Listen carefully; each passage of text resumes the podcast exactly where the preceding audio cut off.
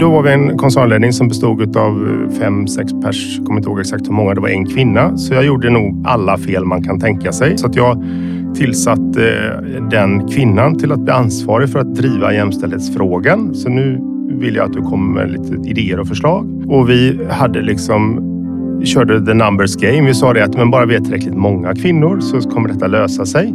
Då har vi förstått att det är inte alls så. Vi, vi försökte övertyga och sälja in. Alltså det var väldigt mycket att rekrytera kvinnor och liksom ha ett överskott på den rekryteringen och så vidare. Men vi lyckades inte rekrytera fler kvinnor och vi lyckades inte få fler lönesättande chefer och vi lyckades inte få några som helst förändringar skulle jag få i systemet. Och, och vad hände då?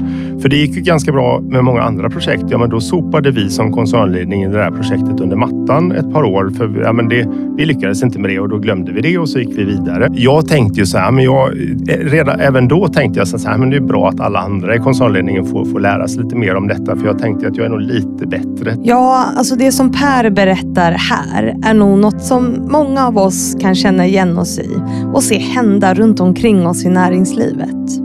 Alltså att bolag pratar om att de gör massa saker för jämställdhet och kör någon form av numbers game. Men att det egentligen inte leder till någon skillnad. Vi känner nog också många igen det faktum att många ledare tror att de minsann vet och har koll på läget. Fast de kanske egentligen inte har det. Så hur kommer man till insikten om att man faktiskt inte har så bra koll som man tror att man har? Och hur tar man sig vidare från det? Det berättar Per Valentin om i veckans avsnitt. Både om sin egen men också hans bolags resa. Och det här, ja det är ett avsnitt som jag faktiskt tror på riktigt kan hjälpa många. Innan vi drar igång avsnittet så ska jag såklart precis som vanligt tacka Excitec som fortsätter att sponsra podden och gör det möjligt för oss att liksom ta del av all den här fantastiska kunskapen som mina gäster delar med sig av. Så tusen tack för det Excitec. Men nu, kära lyssnare, precis som vanligt, rätta till lurarna och dra upp volymen. För här kommer ett avsnitt med Per Valentin.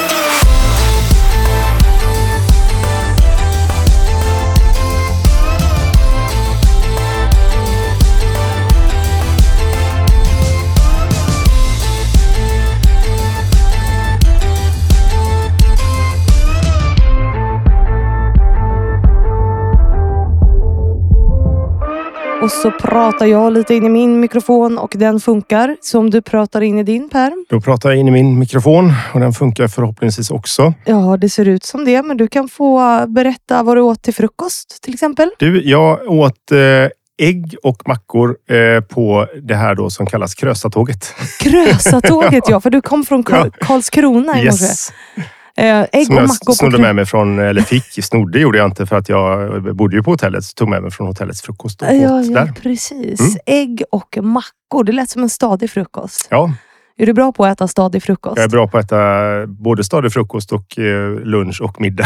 Jag måste göra det. Jag har mycket, mycket energibehov. Ja, men du är väldigt lång. Du ja. får dricka kaffe. Det är helt Tack. okej. Eh, du får ta en andningspaus och dricka ja. kaffe. Det går bra.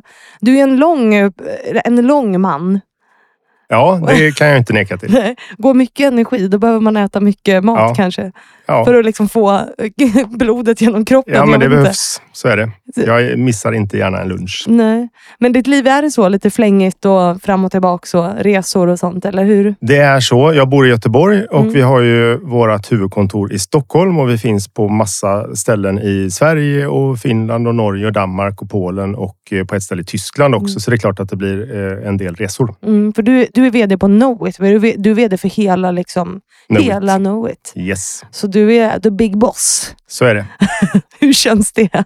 det känns bra. Jag har ja. varit det i 13 år ja. så att eh, jag har vant mig vid eh, arbetet och jag har varit med och byggt Knowit. Och, Eh, det har varit ett fantastiskt, eh, en fantastisk resa där vi har utvecklat både kultur och organisation men också, det har ju varit en fantastisk resa kopplat till tech och techutvecklingen de här senaste 13 åren. Och det som är ännu mer spännande är att det, det, det verkar ju inte ta slut här utan det är nu det accelererar. Ja. Och jag har en massa tankar kring det och vi är en massa personer på Knowit som har en massa tankar kring hur vi ska bygga den här kulturen som funkar i en sån snabb förändring och det tycker jag vi är ganska bra på. Ja, det, det låter som ett roligt jobb. Det är det.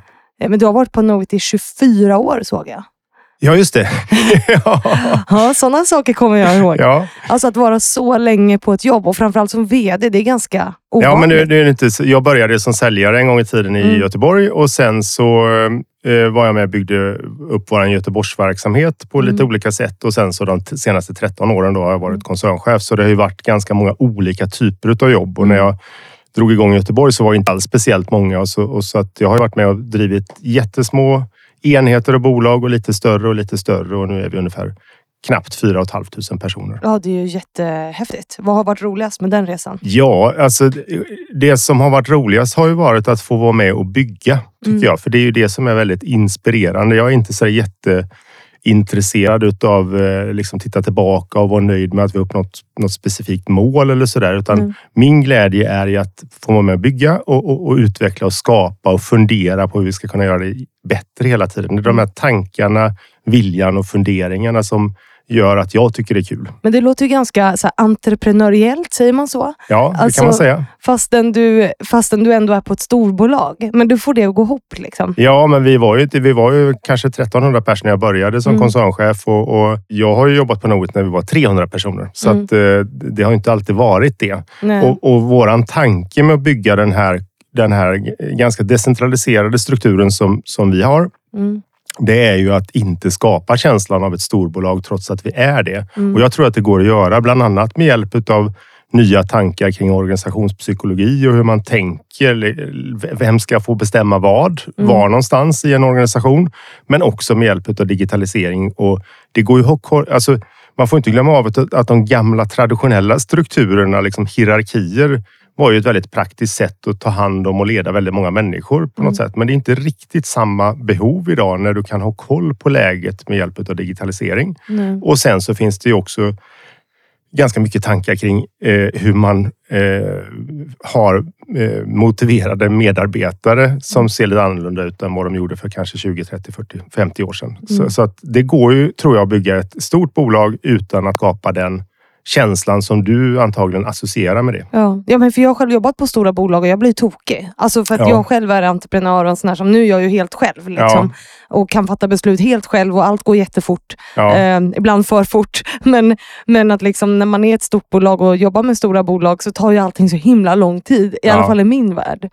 Ja, och det är säkert så att det tar längre tid i ett Mm. Knowit-bolag för vi måste ju synka och förankra när vi ska göra gemensamma förändringar och sådär Mm. på ett helt annat sätt. Så det, det är klart att viss del sånt finns ju i Knowit också. Så är det ju. Ja, men det blir ju så. Alltså Ja. Man måste förankra på ett helt annat sätt. Hur gör man det på bästa sätt då? Utan att det blir storbolagskänsla. Jag, jag tror att... Eh, jag tänker ofta som så här att vi, vi, det, är väldigt viktigt att tänka på. Vi, äger ju liksom inte människor. Vi är en organisation som ska få människor att vilja göra samma sak som oss. Så jag tror att det är väldigt mycket en, en säljinsats internt. Mm. För om du inte lyckas sälja in det, vad, vad, hur ska det gå då? Liksom, på något sätt? Det, Mm. det, det funkar ju inte. Hur säljer du in det då? Ja, men jag, jag har jobbat som säljare så jag tror jag är ganska bra på det. Ja, Ja. men vad, liksom, vad är dina bästa tips för att sälja in? Nej, men vad är det för fördelar? För, eh, vi, vi, har en, vi har tagit fram, eh, vi har pratat, pratat mycket om det här och, och vi har tagit fram sen eh, en, så ett, par år tillbaka en ledarskapsidé där vi har egentligen fem olika perspektiv. Mm. Det, där du, hur leder du dig själv? För det är jätteviktigt att man, om du har en decentraliserad organisation med mycket autonomi så måste du ju ha massa människor där som, som klarar av och vill leda sig själva. Annars blir det ju inte så där jättebra. Eh, sen så är det ju ett antal av de här människorna som leder andra också. Hur gör vi det? Hur, hur leder vi eh, varandra? Mm. Och hur vågar vi bli ledda? För ibland så sitter ju även jag som koncernchef i projekt där någon ska leda mig. Så alla måste ju våga leda och våga bli ledda. Och det är speciellt viktigt i konsultbranschen. Mm. Sen hur, hur leder och utvecklar vi Knowit som system? Mm. Vi har naturligtvis ingenting att komma med om vi inte leder och utvecklar våra projekt och våra kunder tillsammans med dem. Mm. Eh, Så det är ytterligare ett perspektiv. Och- det sista perspektivet och fem- femte perspektivet som vi har pratat ganska mycket om, som jag tror har en koppling till hur samhället fungerar och jämställdhet också. Mm. Det är ju hur vi leder och utvecklar branschen och samhället och vill någonting med branschen. Vi vill... Och det, det, det, Techbranschen då? Ja, Mm. precis. Mm. Och techbranschen påverkar ju hela samhället Mm. mer och mer. Mm. Eh, Vår vision är ett hållbart och mänskligt samhälle. Så att vad är det vi gör i vardagen som faktiskt driver åt det hållet? Eller vad är det vi gör i vardagen som inte driver åt det hållet? Det är ju ganska inspirerande tror jag för många som jobbar på Knowit att eh, kunna fundera på det. Ja, och det påverkar ju alltså, hur pass mycket kvinnor man får in också. För det vet vi ju när, vi kom, när det kommer till rekrytering och att attrahera kvinnor så vill man ju gärna förstå så här, vad bidrar det här med. Alltså att man går ifrån tech till att så här, knacka IT. Ja, Som ju ofta skrämmer bort kvinnor från att söka IT-jobb. mm. Till att prata om eh, istället vad det är man bidrar till. Förstår du hur jag Mm. tänker? Jag förstår precis hur du tänker och vi tänker precis på samma sätt. Ja. Jag tror att det är eh, det är jätteviktigt att ha duktiga tekniskt kompetenta personer. Mm. Men det är klart att om du har en, en eller ett par dimensioner till i dina tankar kring varför du ska bygga den här tjänsten eller lösningen eller, eller Mm. vad det nu är för någonting. Eh, Eller, eller göra en organisationsförändring. Vi har ju ungefär eh, 550 manage, rena managementkonsulter också. Så Mm. det är klart att det blir ju både mer inspirerande och antagligen väldigt mycket bättre för kunden. Mm. Ju fler folk som orkar tänka den tanken eller vill tänka den tanken. Men hur kommunicerar ni det utåt i rekryteringssammanhang? Har du något bra... För jag vet att ni har jobbat mycket med er rekrytering, eller hur? För att Ja. attrahera kvinnor Ja. till Knowit. Ja, Eh, och det här är ju något som hela branschen slåss med, men liksom väldigt få lyckas med, skulle jag säga. Att liksom skapa annonser och så här som attraherar kvinnor till en mer tech-tung bransch. Ja, det, ja, det är inte... så- Alltså, till att börja med så så här att det är ju...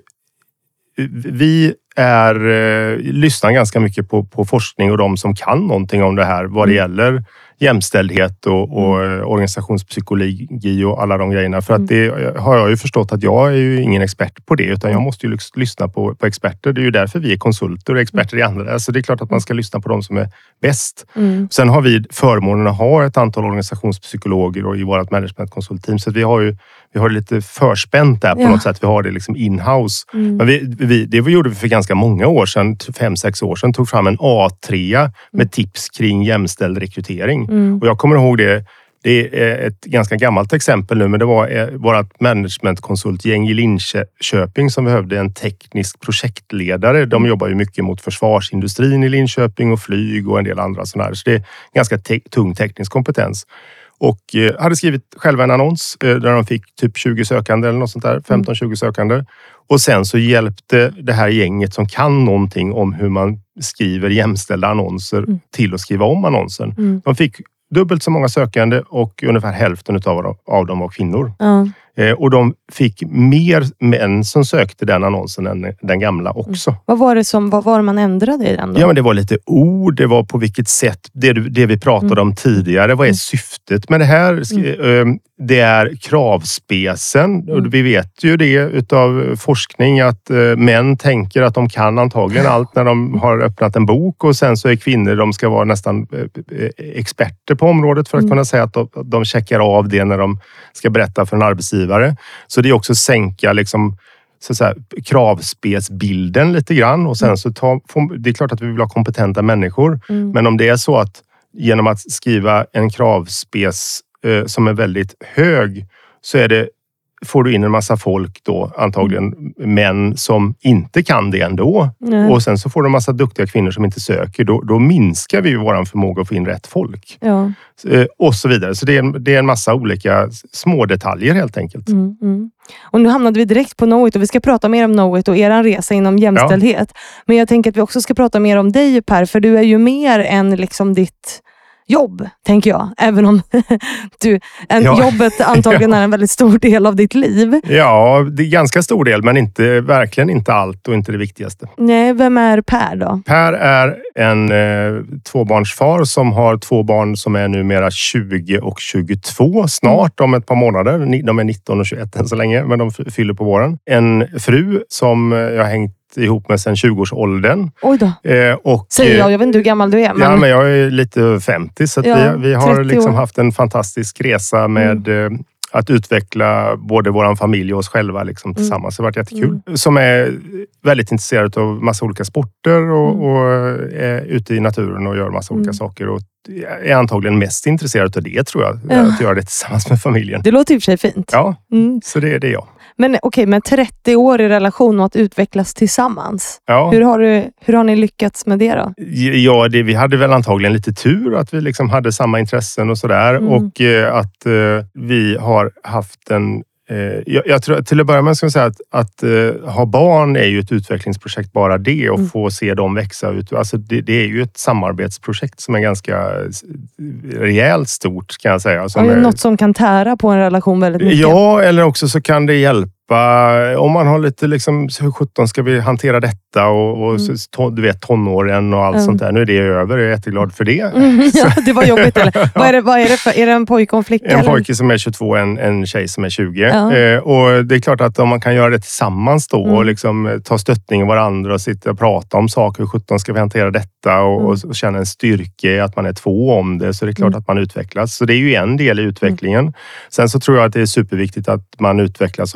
Sen råkar det vara att vi har lite samma intressen också mm. utvecklats lite grann. Vi gillar cykling till exempel mm. och, och friluftsliv. Vi uppåkte skidor här nu eh, i, i Sjusjön i Norge i helgen. Ja. Då fick vi faktiskt med oss våran, våran 20-åriga dotter, vilket jag var jätteglad över. Mm. Att hon hängde med en sväng. Och göra grejer tillsammans men också göra grejer själva. Mm. Helt liksom eh, och, och känna den liksom glädjen och friheten. Så jag tror att eh, om du skulle fråga min fru så känner hon att hon har inte behövt liksom hålla sina intressen tillbaka överhuvudtaget genom mm. att jag har haft det, det jobbet jag har eller gjort de grejerna. Och jag känner inte på det sättet heller utan vi mm. har försökt prata om det så att vi kan respektera de behoven som vi har. Mm. Och Kommunikation är grund i alla relationer. Alltså oavsett ja. om det är privat eller på jobbet ja. så är kommunikation grunden i det. Hon är jättebra på, hon är ju socionom, väldigt mm. bra på kommunikation och mm. håller på med den typen av frågor i jobbet också. Så att det är klart att hon har nog utvecklat mig ganska mycket och lärt mig massa saker. Ja, för att ofta så är det ju relationer kvinnan som tar det känslomässiga ansvaret. Ja. Hur har det funkat? Nu kommer vi in på väldigt privata saker här Per, men det, ja, det är men bra Hon har nog varit också. bättre än mig på det genom mm. åren också. Ja. Mm. Men det är klart att jag har väl utvecklats. Mm. För det går ju emot lite mansrollen. Ja. Att prata om känslor och relationer och ta känslomässigt ansvar. Ja. Eller hur känner du med det? Ja, jag tycker nog det är mer obekvämt än vad jag skulle tro att min fru tycker att det är. Mm. Så när jag ställer dig frågor om din relation och hur du jobbar med den känslomässigt så blir det lite jobbigt, eller? Ja, lite grann. Inte, inte alls lika jobbigt som det antagligen var för 20 år sedan, eller så, mm. men det är lite grann. Ja. Mm. Vi ska ändå prata om mansrollen lite grann, för du är ju här som man. Ja. Eh, jag har ju nästan bara kvinnor med i den här podden. Just det. Och så är det några få män som får komma hit, som får äran att vara förebilder. Och då tycker jag att det är viktigt att prata om den mansrollen och hur du ser på den. Vad menar du med den mansrollen? Du menar mm. den stereotypa mansrollen? Ja, vad, vad är, sen när jag säger mansrollen, vad är den för dig? Ja, men det finns ju en stereotyp mansroll som både du och jag ser, tror jag. Mm. Och sen kanske vi ser på den med, med olika perspektiv perspektiv i och med att jag är mm. man och du är kvinna, mm. antar jag. Ja. Eh, och, eh, och, och, det är klart att den... Eh, jag har ju varit i ganska mycket mansdominerade miljöer i, min, i, i mitt liv. Det, nu har jag varit ganska länge i techbranschen som är en mansdominerad miljö. Från början hade jag tänkt att bli byggare och jobbade som snickare och jobbade lite grann som arbetsledare. Det var ju bara män. Mm. Sen de sporterna jag har hållit på med, jag har varit Windsurfare har hållit på med det heltid i nästan tre år och varit mm. runt och tävlat. Det var liksom i princip bara män. Det var någon kvinna. Jag håller på med Ja, men nu är det mycket mountainbike och windsurfing och, och kör lite enduromotorcykel mm. också. Det är, ja, men det är nästan bara, med cyklingen är i och för sig både kvinnor och män, men mm. de andra sporterna är det väldigt mycket män. Enduro och, är väldigt, mitt ex höll på med det. Ja, det är ju när man kör motorcykel i skogen. Ja. I skogen. Ja. Ja, det, var det är inte många kvinnor som nej, håller på med. Nej, det är motorsport. Yes. Där hör inte kvinnor hemma. Jo, det tycker jag. jag skojar bara. jag, jag har försökt få min... Jag köpte, jag köpte ett helt kit till dottern som mm. var med ute och körde. Hon tyckte inte det var kul, men jag Nej. försökte i alla fall. Ja, du försökte ja. få henne engagerad Ja, men det, var, det gick inte. Men, men, liksom, och, men det är ju sporter och så vidare. Men ja. hur ser den mansrollen ut då för dig? Nej, men, och då är det ju så här att... Och då behöver vi nog komma in lite på, på Know It ändå, tror jag. Därför att, därför att eh, det blir ju ganska ofta, färre nu, tyck, jag är lite osäker på om det beror på att jag är äldre och jag rör mig i andra sammanhang. Eller om det faktiskt är så att det har förflyttat förflyttats någonstans i Mm. samhället de här 30 åren eller något sånt där. Mm. Så fär- färre gånger nu än tidigare känner jag, men det är klart att det blir den här typen av vad man kan kalla liksom, liksom grabbig kultur helt enkelt. Mm, mm. Eh, och, och det har jag aldrig känt mig speciellt bekväm med. Det gjorde jag inte ens när jag var 20 och jag tyckte inte om det. Jag tyckte bara det var jobbigt och det kändes otrevligt. Och, liksom, och jag tror det är ganska många män som känner på det sättet. För det, det blir ju en osäker... En grabbig kultur är nästan alltid en osäker kultur. Mm. Hur har du hanterat det då? Jag har hanterat det... Ja, men, nå- någonstans så har jag ju eh, haft ett privilegie då genom att jag har varit ganska duktig på många av de här sporterna och jag Mm. har liksom eh, fått vara med i de här gängen och varit liksom Mm. så här. Men jag har, så, så när jag var ung så tror jag jag hanterade det ganska mycket på det sättet att jag liksom, jag gick inte med i kulturen, men jag motarbetade den inte heller, eh, utan jag bara liksom lät det vara, så kan Mm. man väl säga. Men jag, jag vet med mig att jag tyckte inte om den liksom då heller riktigt. Nej, nej. Och det är ju en rättvisefråga också lite grann kände jag. Och- det, blev, så, och det var väl li- lite grann en av de grejerna som gjorde att jag började engagera mig med dem i, i, i jämställdhetsfrågan på Knowit för ett antal år sedan. För Mm. att det kändes orättvist Mm. och jag ville förändra den kulturen helt enkelt. Mm. Vad var det som kändes orättvist? Jag tror att det är så här att en grabbig kultur som är osäker är ju orättvis för kvinnor. Mm. Men den är också orättvis för män. Som, en, en del män som inte lyckas slå sig fram i den kulturen och som inte vill vara en del i det spelet och som inte lik, li, riktigt lyckas vara så grabbiga och så coola som, Mm. som det här gänget vill Mm. vara. Mm.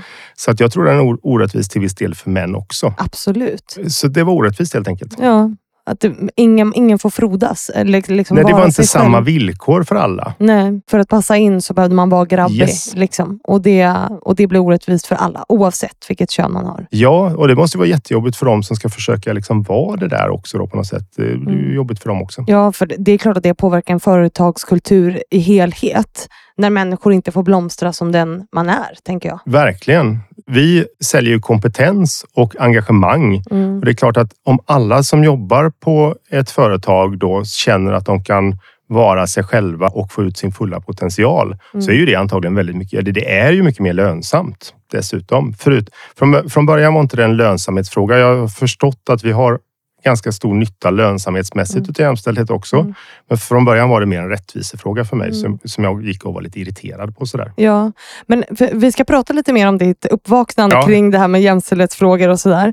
Eh, för att jag har, hört, alltså jag har ju hört stories om det här, om dig bakom din rygg. Eh, Ja. Eller inte bakom din rygg, jag tror inte att det är eh, så hemligt egentligen. Nej. Men för, för Knowit har ju liksom prisats för sitt jämställdhetsarbete. Ja. Visst har ni varit på Allbrights lista också som börsnoterat, alltså på gröna listan så att säga. Ni har Ja. fått något pris för, från dem Vi, också. vi blev eh, enligt Allbright då, Mm. det är ju deras sådär, eh, det mest jämställda eller det bolaget som jobbade bäst med jämställdhet i, utav alla börsbolag Mm. 2019. Mm. Så det är vi väldigt stolta över. Men Mm. eh, några år tidigare var vi, jag vet inte om den hette svarta eller röda, den dåliga listan i alla fall. Därför att vi hade ganska få kvinnor i ledningsgruppen, få lönesättande chefer och så vidare Mm. när jag började Mm. som koncernchef. Jag, menar, jag har hört en story om ett samtal med er HR, alltså med Helena. Ja, Att, du- att du på något sätt tyckte att du hade koll på det där med jämställdhet. Och Ja. sen, inte, sen visade det sig kanske att du inte hade det. Ja men absolut. Ja, men jag kan dra hela storyn. Ja, för det var, den, är- verkligen, för det är, om det kan vara till nytta för någon så är jag jätteglad. För jag att, tror att det är superviktigt. eh, för att det kom in liksom ganska mycket engagemang. Jag var ju ganska, jag var, hade inte fyllt 40 när jag blev koncernchef och ganska mycket så här, nu ska jag göra massa saker. Och, det, och dessutom var det ganska ekonomiskt tufft på några ställen då, så Mm. att vi var mycket som behövde fixas i koncernen. Mm. Men så tänkte jag ja, men jag ska ändå köra liksom på med, med att skapa liksom lite andra förutsättningar och, Mm. och, och förändra den här grabbiga kulturen som jag tyckte vi hade. Mm. Och nu ska jag säga att för mig är det viktigt att säga att många av de människorna som var i den grabbiga kulturen Mm. är väldigt eh, bra människor Mm. och många av dem är kvar på Knowit fortfarande men de lever i en annan kultur nu Mm. och tror jag gillar det. Mm. Så att det, det har inte det har med kulturen och systemet att göra snarare än med individen. Jag tror det är jätteviktigt. Absolut. Eh, och det går att ändra. Mm. Men det går inte att ändra genom att bara tro att man kan tycka att det ska vara på ett annat sätt eller ha en tanke om att man tycker det är viktigt att hitta på egna grejer. Mm. För det försökte jag först då. Vad var det du gjorde då? Ja, men då, då var vi en koncernledning som bestod av fem, sex pers. Jag kommer inte ihåg exakt hur många. Det var en kvinna. Så jag gjorde nog alla fel man kan tänka sig. Mm. Enligt vad jag har förstått efteråt. Mm. Forskning och, och, liksom kompetens inom området. Så att jag tillsatt eh, den kvinnan till att bli ansvarig för att driva jämställdhetsfrågan. Mm. Så nu vill jag att du kommer med lite idéer och förslag. Mm. Och hon hade egentligen inte heller kompetensen. Nej. Eller hon hade inte det. Mm. Men ville och, och, och vi hade liksom körde the numbers game. Vi sa det att men bara vi är tillräckligt många kvinnor så kommer detta lösa sig. Mm. Jag har ju förstått att det är inte alls så. Nej. Vi, vi försökte övertyga och sälja in. Alltså det var väldigt mycket att rekrytera kvinnor och liksom ha ett överskott på den rekryteringen och så vidare. Men Mm. Kan du ingen inte bara dem... ut, utveckla så här, när man tror att det kommer massor, du ska få fortsätta din Ja. story, men att, för det där får jag också ofta höra att så här, ja, men bara vi får in fler kvinnor så kommer allt lösa sig. Liksom. vad, Ja, var det det du såg, nej, vad var det du såg hända? Liksom, när ni bara Ingenting såg jag hända Nej. För De vi kom och drog. ju inte eller? ens. Nej. med det. Nej. Det, det, jag tror att det hände lite, lite grejer i alla fall i Mm. Knowit-systemet. Därför Mm. att jag kanske var en ledare som, som eh, betedde mig på ett annat sätt. Och Mm. Vi hade en utveckling ekonomiskt som gick åt rätt håll och massa sådana Mm. saker. Så lite grejer hände säkert. Mm. Men om du tittar på det projektet och de tankarna och målen vi hade med det projektet Mm. så, så, så lyckades vi inte helt enkelt. Men Utan- siffrorna då eller? Nej, vi lyckades inte rekrytera fler kvinnor Nej. Eh, och vi lyckades inte få fler lönesättande chefer och vi lyckades inte få några som helst förändringar skulle jag i, få, i systemet. Trots, och, och vad hände då?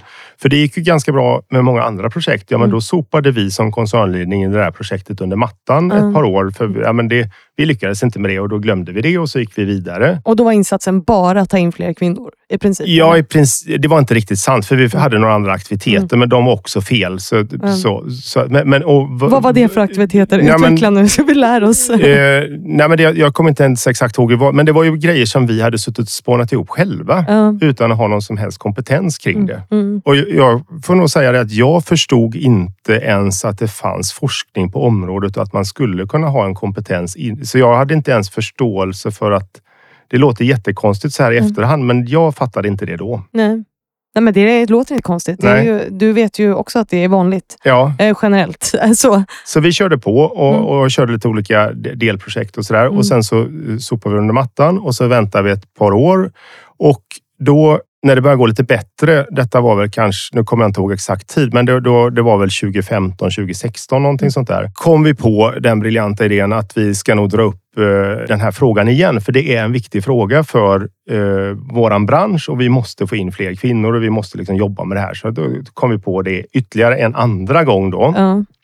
Men då bestämde vi oss för att vi skulle ta in någon som kund. Vi skulle fråga runt lite grann, folk som hade gjort det tidigare. För jag visste ju om att vi hade misslyckats. Mm. Och, och det fattade vi i alla fall då att ja, men då ska vi nog fråga någon annan som kanske har lyckats. Mm. Så vi tog in lite olika typer av konsultbolag. Det fanns eh, jag kommer inte ihåg exakt vad de hette, men det fanns, vi, vi lyssnade på ett par, tre olika som jobbade med jämställdhetsfrågor. Mm. Och sen så visade det sig, vilket var väldigt turligt, att vi då hade dragit igång en enhet inom våran managementkonsultdel som höll på mycket med organisationspsykologi. Ja. Och de här personerna hade också jobbat mycket med jämställdhet, bland annat mot byggbranschen och, och hade en erfarenhet inom det området. Så vi tog in dem och lyssnade på dem också. Mm. Och, ja, och vi hade bestämt oss för att ta de som var bäst oavsett om det var internt eller externt. Men, men de var väldigt duktiga och vi tyckte att de var bäst så att Mm. de fick vara med och hjälpa till. Mm. Och eh, det de började med var ju att jobba med koncernledningen först Mm. och, och våra utmaningar och, och, och, lära oss om, om de här frågorna för att sen kunna ta det vidare ut i organisationen. Mm. Så att de gjorde det på ett strukturerat sätt och, och, Utbildade och liksom. utbildade oss Mm. och, fick oss att eh, fundera på våra egna bios, hur vi gör Mm. saker och ting och, och massa sådana saker. Och, och det här har jag berättat tidigare, men en av de första sådana övningarna vi hade då Mm. var att jag fick för, för att jag tänkte ju så här, men jag, eh, redan, även då tänkte jag så här, men det är bra att alla andra i koncernledningen får, får lära sig lite mer om detta. För jag tänkte att jag är nog lite bättre, tänkte jag. ja, ja. Jag har nog lite mer koll än alla andra. Jag är ändå koncernchef. Ja. Lite så. Jaha. Eh, så då fick jag en uppgift. Ja, men du, du har inte varit på någon ledarskapsutbildning där du sitter och tänker att hoppas att den personen lyssnar på detta. Ja. Någon kollega. Så det kan man göra ibland. Mm. Det är nog ganska bra att fundera lite på sig själv i de lägena. Men jag fick i uppdrag i alla fall att eh, anteckna vilka informella möten jag hade med folk Mm. och vad jag pratade om på de mötena på, på jobbet. Då. Alltså det, när vi står vid fika, eh, eh, tar en kaffe eller i hissen Mm. eller när jag är på någon, som jag var igår, på invigning av nytt kontor i, i Karlskrona. Eller, ja, sådär. Det är bara liksom man står och snackar med folk. Mm. Vem pratar jag med och vad pratar jag om? Och då visade det sig liksom på tre månader eller något sånt där att jag pratade nästan bara med män Mm. och jag pratade nästan bara med män som hade samma intressen, mountainbike och windsurfing eller någon annan sån sport. Mm. Och, och det var det jag gjorde. Mm. Och det är klart att det är ju extremt exkluderande. Ja. Det gör ju också att man inte lär sig så himla mycket. Alltså man vidgar inte sina perspektiv. Nej, särskilt. verkligen inte. Och, och antagligen ganska... För sig, jag tycker det är jättekul att prata om de grejerna. Jag fortsätter jättegärna göra Mm. det. Men det är ju synd att bara göra det där. Men, men det blev så på något sätt för att alla visste att jag höll på med det där och, och då kommer det fram många och vill snacka med mig om det Mm. och så vill jag vara trevlig och så blev det så. Liksom. Ja, och så ville de ju också ta sig in eh, hos dig, tänker jag. Antagligen. Ja. Och sådär. Så att det var liksom, det var inget ont uppsåt hos Nej. mig och det var inget ont- uppsåt hos någon av dem. Mm. Men det blev exkluderande ändå. Mm. Och då får jag ju, fick jag ju jobba lite med den frågan och försöka prata med andra folk om andra saker. Det var jättespännande. Vad pratade du med för människor och om vad då? Jag försökte prata om, om deras intressen och vad de eh, tyckte var intressant istället Mm. för om mig. Ja. Och Ja. vad hände sen då?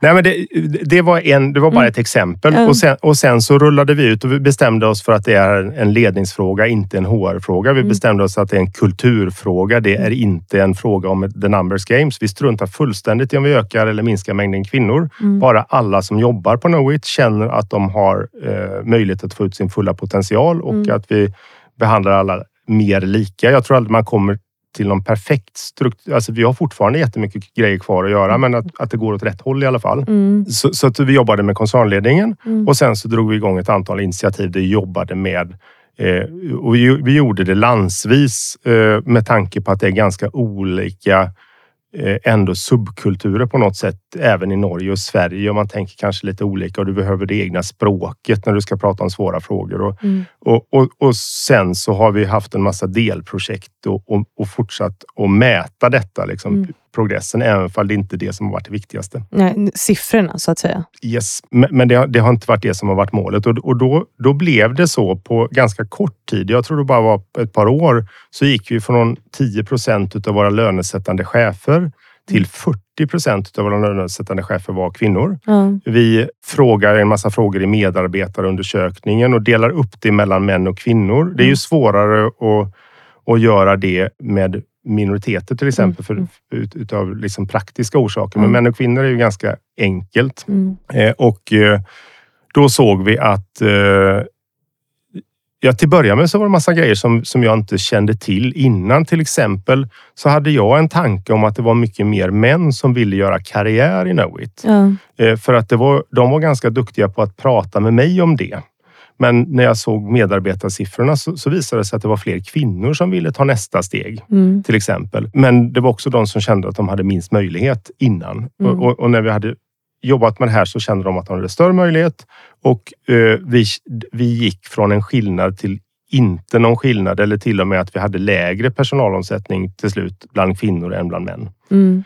Så att det blev ganska stora förändringar i systemet. Mm. Vad var det ni gjorde rent konkret då? För det låter ju så himla bra. Alltså så här, vi, vi ändrade kulturen och vi liksom det är det här som jag pratar väldigt mycket Ja. om. Alltså just det, när jag föreläser till exempel så pratar jag om att det hjälper inte att bara stoppa in massa kvinnor. Det här är en kulturfråga. För Ja, Även om man får in massa kvinnor så kommer de ju inte stanna kvar om de hamnar i en kultur liksom som inte är inkluderande. nej. Och, och så börjar man Det är, väldigt, det är väldigt dyrt att ta in kvinnor i en icke-inkluderande kultur för de Mm. kommer ju sluta och så får du rekrytera nytt. Det är ju superkostsamt. Ja, men och det är det här jag tänker också man ser väldigt mycket i techbranschen överlag. Alltså att siffrorna ligger liksom på 28 procent hela tiden. Det händer ju inte så jättemycket.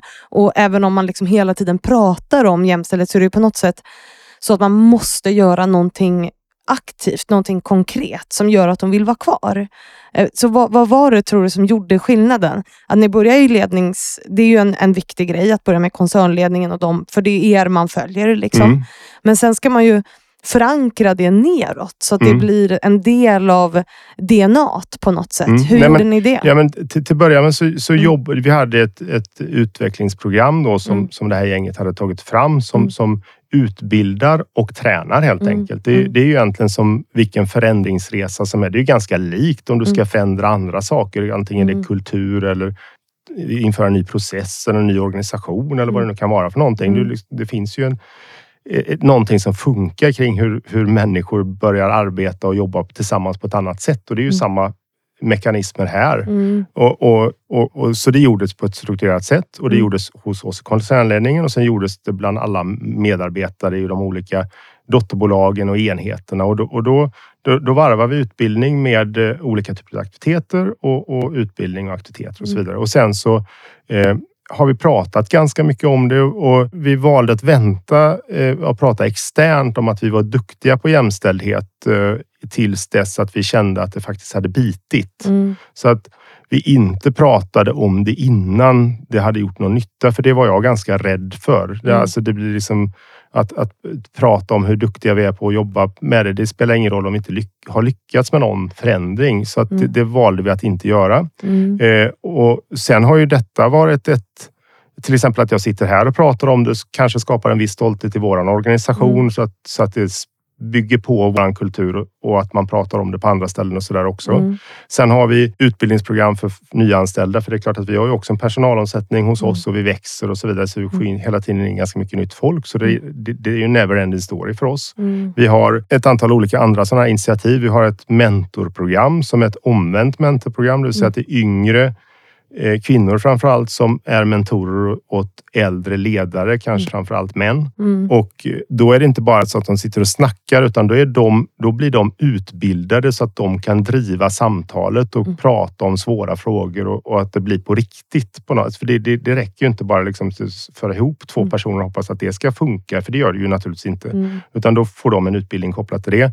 Vi har ett utvecklingsprogram för dem för, I och med att vi såg att det var ganska mycket kvinnor och yngre kvinnor som ville göra karriär Mm. så eh, har vi skapat ett utvecklingsprogram för dem så att de känner att de kan ta det steget som vi kallar för grow Mm. och så vidare. Och så vidare. Så Mm. det är en massa aktiviteter som kostar pengar helt Mm. enkelt. Och vad är det för, när, ni har, när ni har det här eh, omvända mentorskapsprogrammet, vilket Mm. jag tycker är, är superintressant. Ja. För att ofta så blir det ju en kvinna som har en äldre kvinna som mentor, till exempel, vilket man också behöver, alltså förebilder är ju avgörande. Eller så är det tvärtom. Mm. Eh, Men just den där typen av mentorskapsprogram tycker jag ju är otroligt eh, viktiga. Just för att, det är som du säger, vid kaffemaskinen så pratar man med människor som är som en själv. Mm. Eh, och man, det är liksom den typen av världsbild man får på något sätt. Yes. Jag tror att det är superviktigt att män lyssnar till kvinnors upplevelser och precis som det är viktigt för mig att lyssna till svarta kvinnors upplevelser till exempel i och med att jag är privilegierad för att jag är en Mm. vit kvinna så behöver jag ju för att på något sätt kunna förstå, lyssna till dem. Så att min fråga blir, det blev en lång utläggning här, men för att Yes. du ska förstå var, Ja. varifrån det kommer.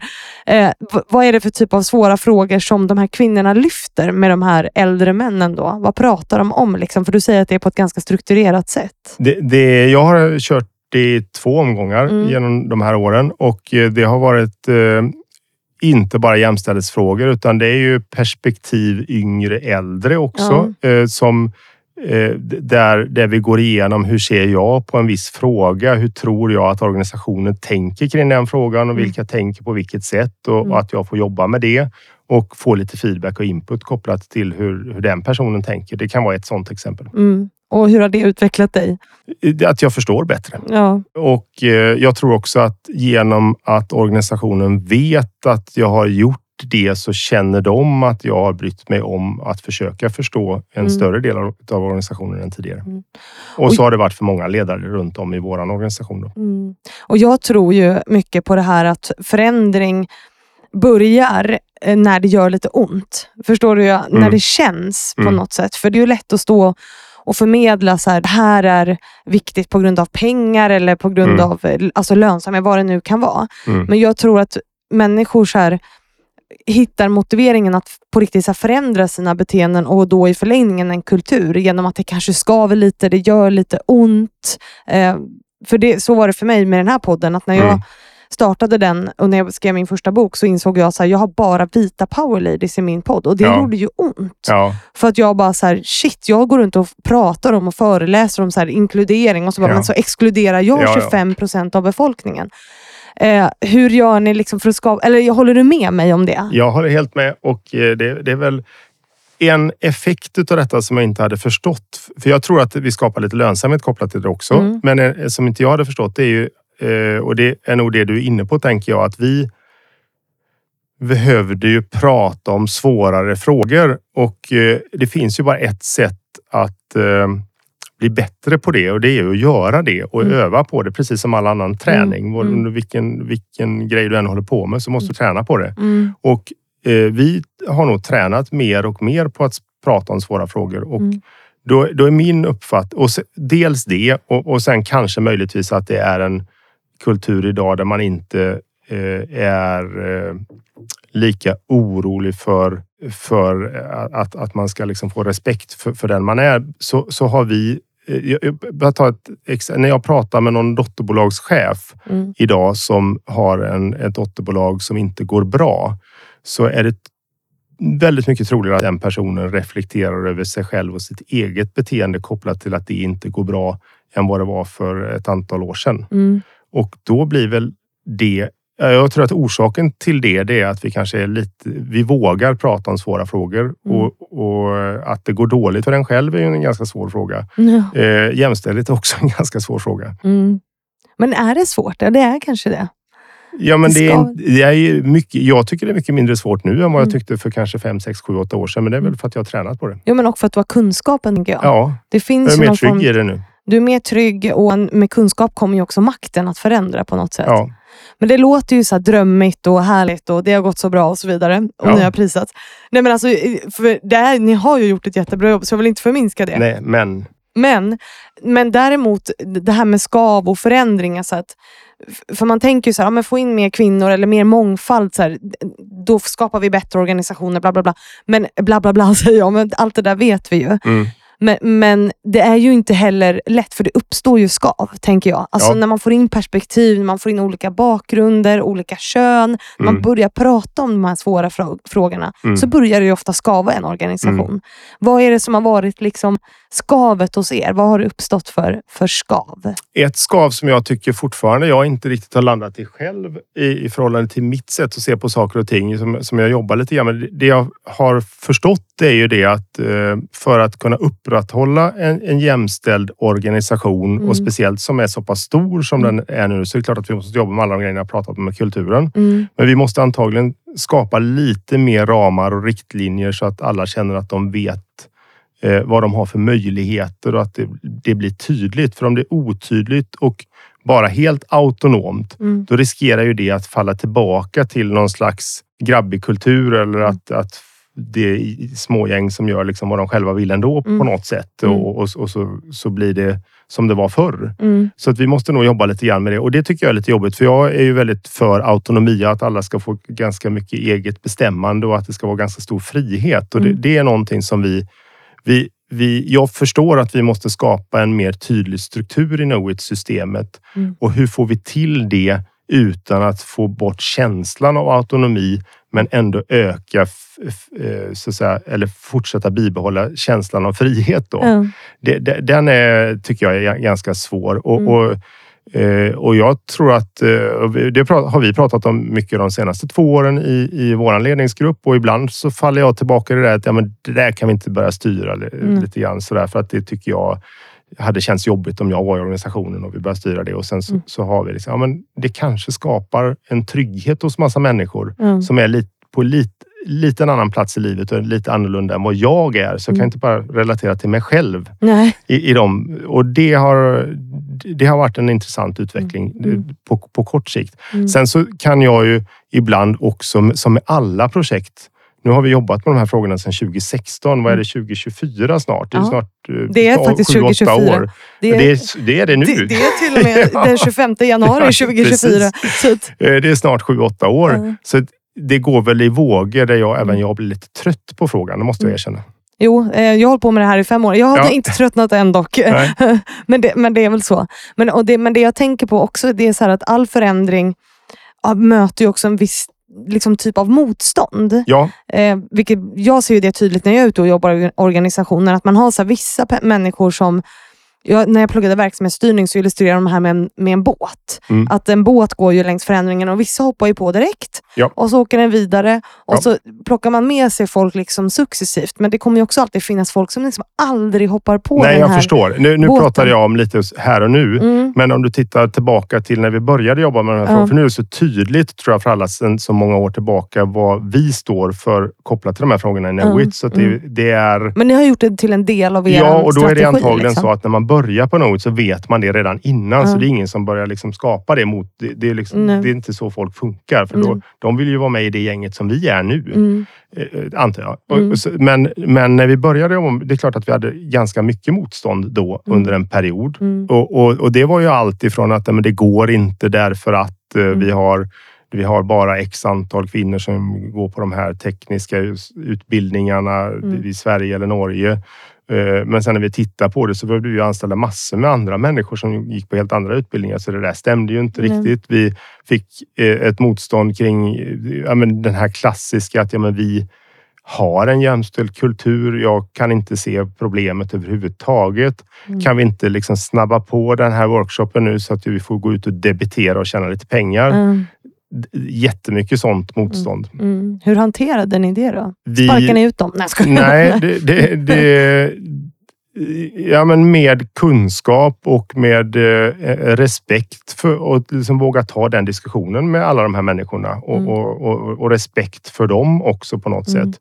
Vi har inte pratat jättemycket om, om ja, vi pratade lite grann om det här med lönsamhet Mm. och liksom våga jobba med, med svåra frågor. Mm. Det finns ju massa andra forskningsdelar där, där du faktiskt har mer jämställda grupper, mer effektiva och så vidare. Så Mm. det finns ju massa an, andra effekter utav det här som gör att vi liksom tjänar pengar på det. Så, Mm. så det är ju en sak att liksom visa på det. Mm. Våga visa på precis det jag gjorde då när jag pratade med alla de här människorna om windsurfing och mountainbike. Eh, var, få, få massa dotterbolagschefer att gå igenom det själva och se sina egna bias och sina egna beteenden. Och det har hos många varit ett jättespännande uppvaknande tror jag. Att de Mm. börjar bete sig på ett annat sätt.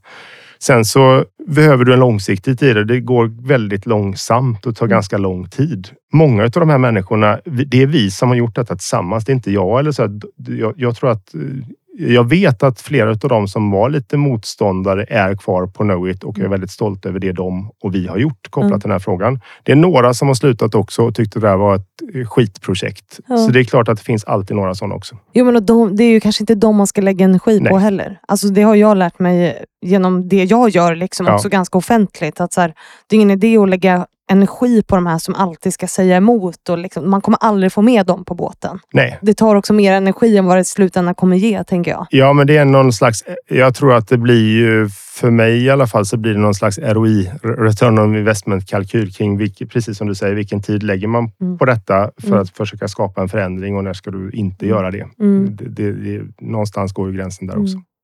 Och, och nu är ju du, nu säger jag det igen, du är här som egenskap av man. Mm.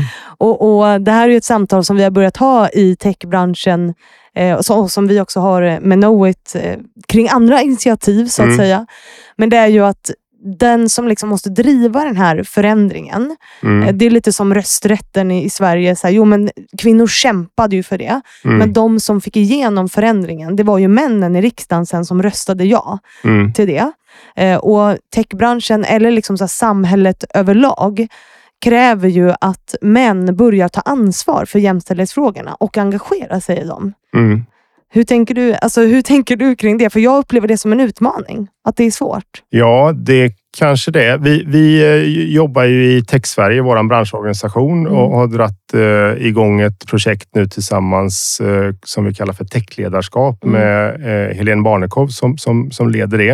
Eh, där vi jobbar med de här frågorna. Liksom att, för, för, jag, jag, på ett sätt så kan man säga ja, men det är en ganska mansdominerad bransch. Mm. Men det är ju också en fantastisk bransch för den är ju så förändringsbenägen Mm. därför att tekniken ändrar, sig så snabbt. Så Mm. det är någon bransch som borde kunna ha ett annan typ av ledarskap som är mer inkluderande och som är mer jämställt Mm. och som är duktigare på att förändra sig så är det ju våran bransch. Och jag Mm. tycker vi har vissa komponenter i det och, och låt oss fortsätta bygga på det och Mm. vidareutveckla det. Mm. Eh, det. Det tänker jag är någonting som vi vill gärna skapa en stolthet i våran bransch för. Mm. Skulle jag vilja ta, ta, ta för det tror jag är jättevärdefullt. Mm. Men om vi liksom går utanför branschen och Ja. pratar om så här män. Ja, Alltså- precis. Jag, för- förlåt, jag svarar inte på frågan. Nej, men det gör inget. Men, för det, det är också en valid point. Men att det jag menar är så här, hur får vi män mer engagerade i jämställdhet? Vad tror du rädslan beror på? Ja. För att jag, jag möter ofta män som är så här rädda att ge sig in i det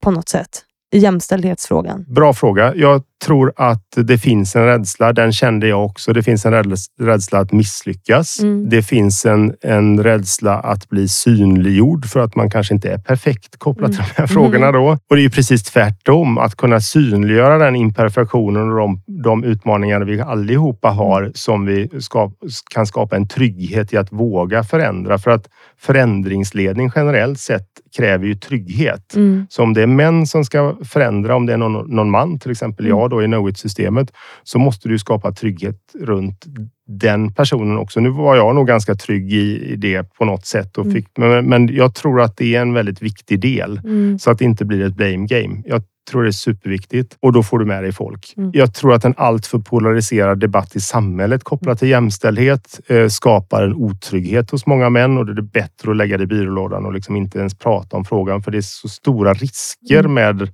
det är ja, men det här traditionella. Mm. Det är bättre att inte göra någonting för då riskerar du i alla fall inte att göra fel. Mm. Och, då, och då tänker jag så, här, då- och då blir det här en fråga från mig och min, min sponsor Excitec. Mm. Alltså hur skapar man då den tryggheten? Hur kan jag skapa den tryggheten hos alla de här otroliga männen som jag vill ha med mig i jämställdhetsfrågan? För jag vill ju ha med mig männen. Mm. Ja, men ett sätt är väl att prata om det på det här sättet och det Mm. kanske inte tydliggör att det kanske inte är så farligt att inte vara Mm. perfekt och göra fel ibland. Nej. Det är okej att göra fel. Ja, För att eh, jag upplever som, som du säger en rädsla att göra fel. Jag kan säga när jag är ute och dejtar till exempel, bara för att jag jobbar med de här frågorna, Mm. så blir ju folk, män blir ju rädda för mig. De vågar inte dejta mig för att de är så rädda att göra fel. ja, de ska bli korrekta i sitt beteende Ja. på något sätt. Ja. Ja. och liksom så här, man får inte vara sexistisk och man får inte göra hitan Mm. och ditan för att hon är en feminist. Liksom. Mm. Hela det ordet har ju blivit missuppfattat tycker jag. ja, men det skapar ju en rädsla tror jag. Just Mm. för, att, eh, för att det blir så stor nedsida om du, om du säger fel sak eller gör fel sak. Och är det då inte, har du inte då så, så jättemycket kunskap i frågan så det är klart att du ökar ju den rädslan. Mm.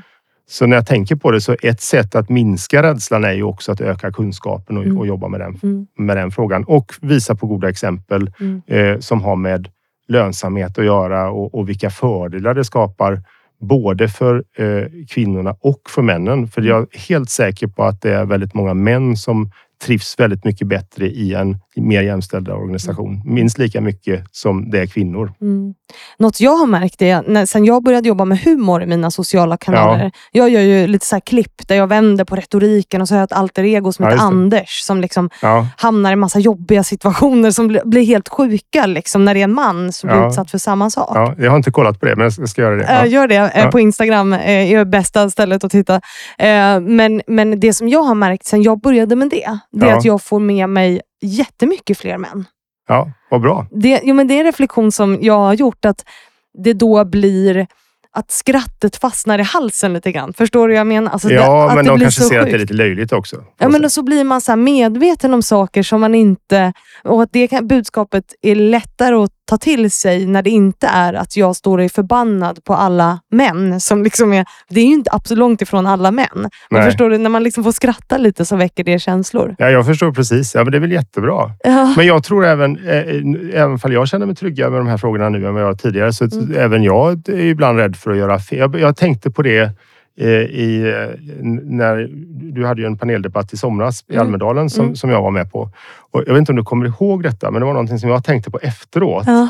Eh, för att vi blir uppkallade på scenen där. Mm. Jag tror att jag var typ den enda mannen i panelen. Ja. Och eh, då gick jag upp först och satte mig närmast dig. Ja. Och sen så förstod jag sen efteråt att den stolen stod ju lite för sig själv. Så det var antagligen någon annan som skulle suttit där. ja. Nej men så var det faktiskt inte. Det kanske inte var, men det Nej. satt jag och tänkte på i alla fall. Shit, här det blir ju inte riktigt bra. Nej. Men jag bara liksom glad i hågen stol, stolpade upp där. Tänkte Ja. inte så mycket. Det var liksom inget med det. Men det, det, det, i det lilla så kan man ju vara rädd för att göra fel. Ja, men jag tror det var nog jag som ropade upp dig först. Var det inte så? Jo, men jag, jag satt och funderade på varför den här stolen stod separat där Ja. och sen var det tre andra stolar. Ja, men det är ändå, alltså, jag tänker att det är en, en form av självutvecklingsgrej och en bra grej att du liksom har det i ditt huvud. Ja. Att, att du ens gör den reflektionen. För jag tror att det är ganska många män som liksom inte hade gjort den reflektionen. Nej, så kanske det.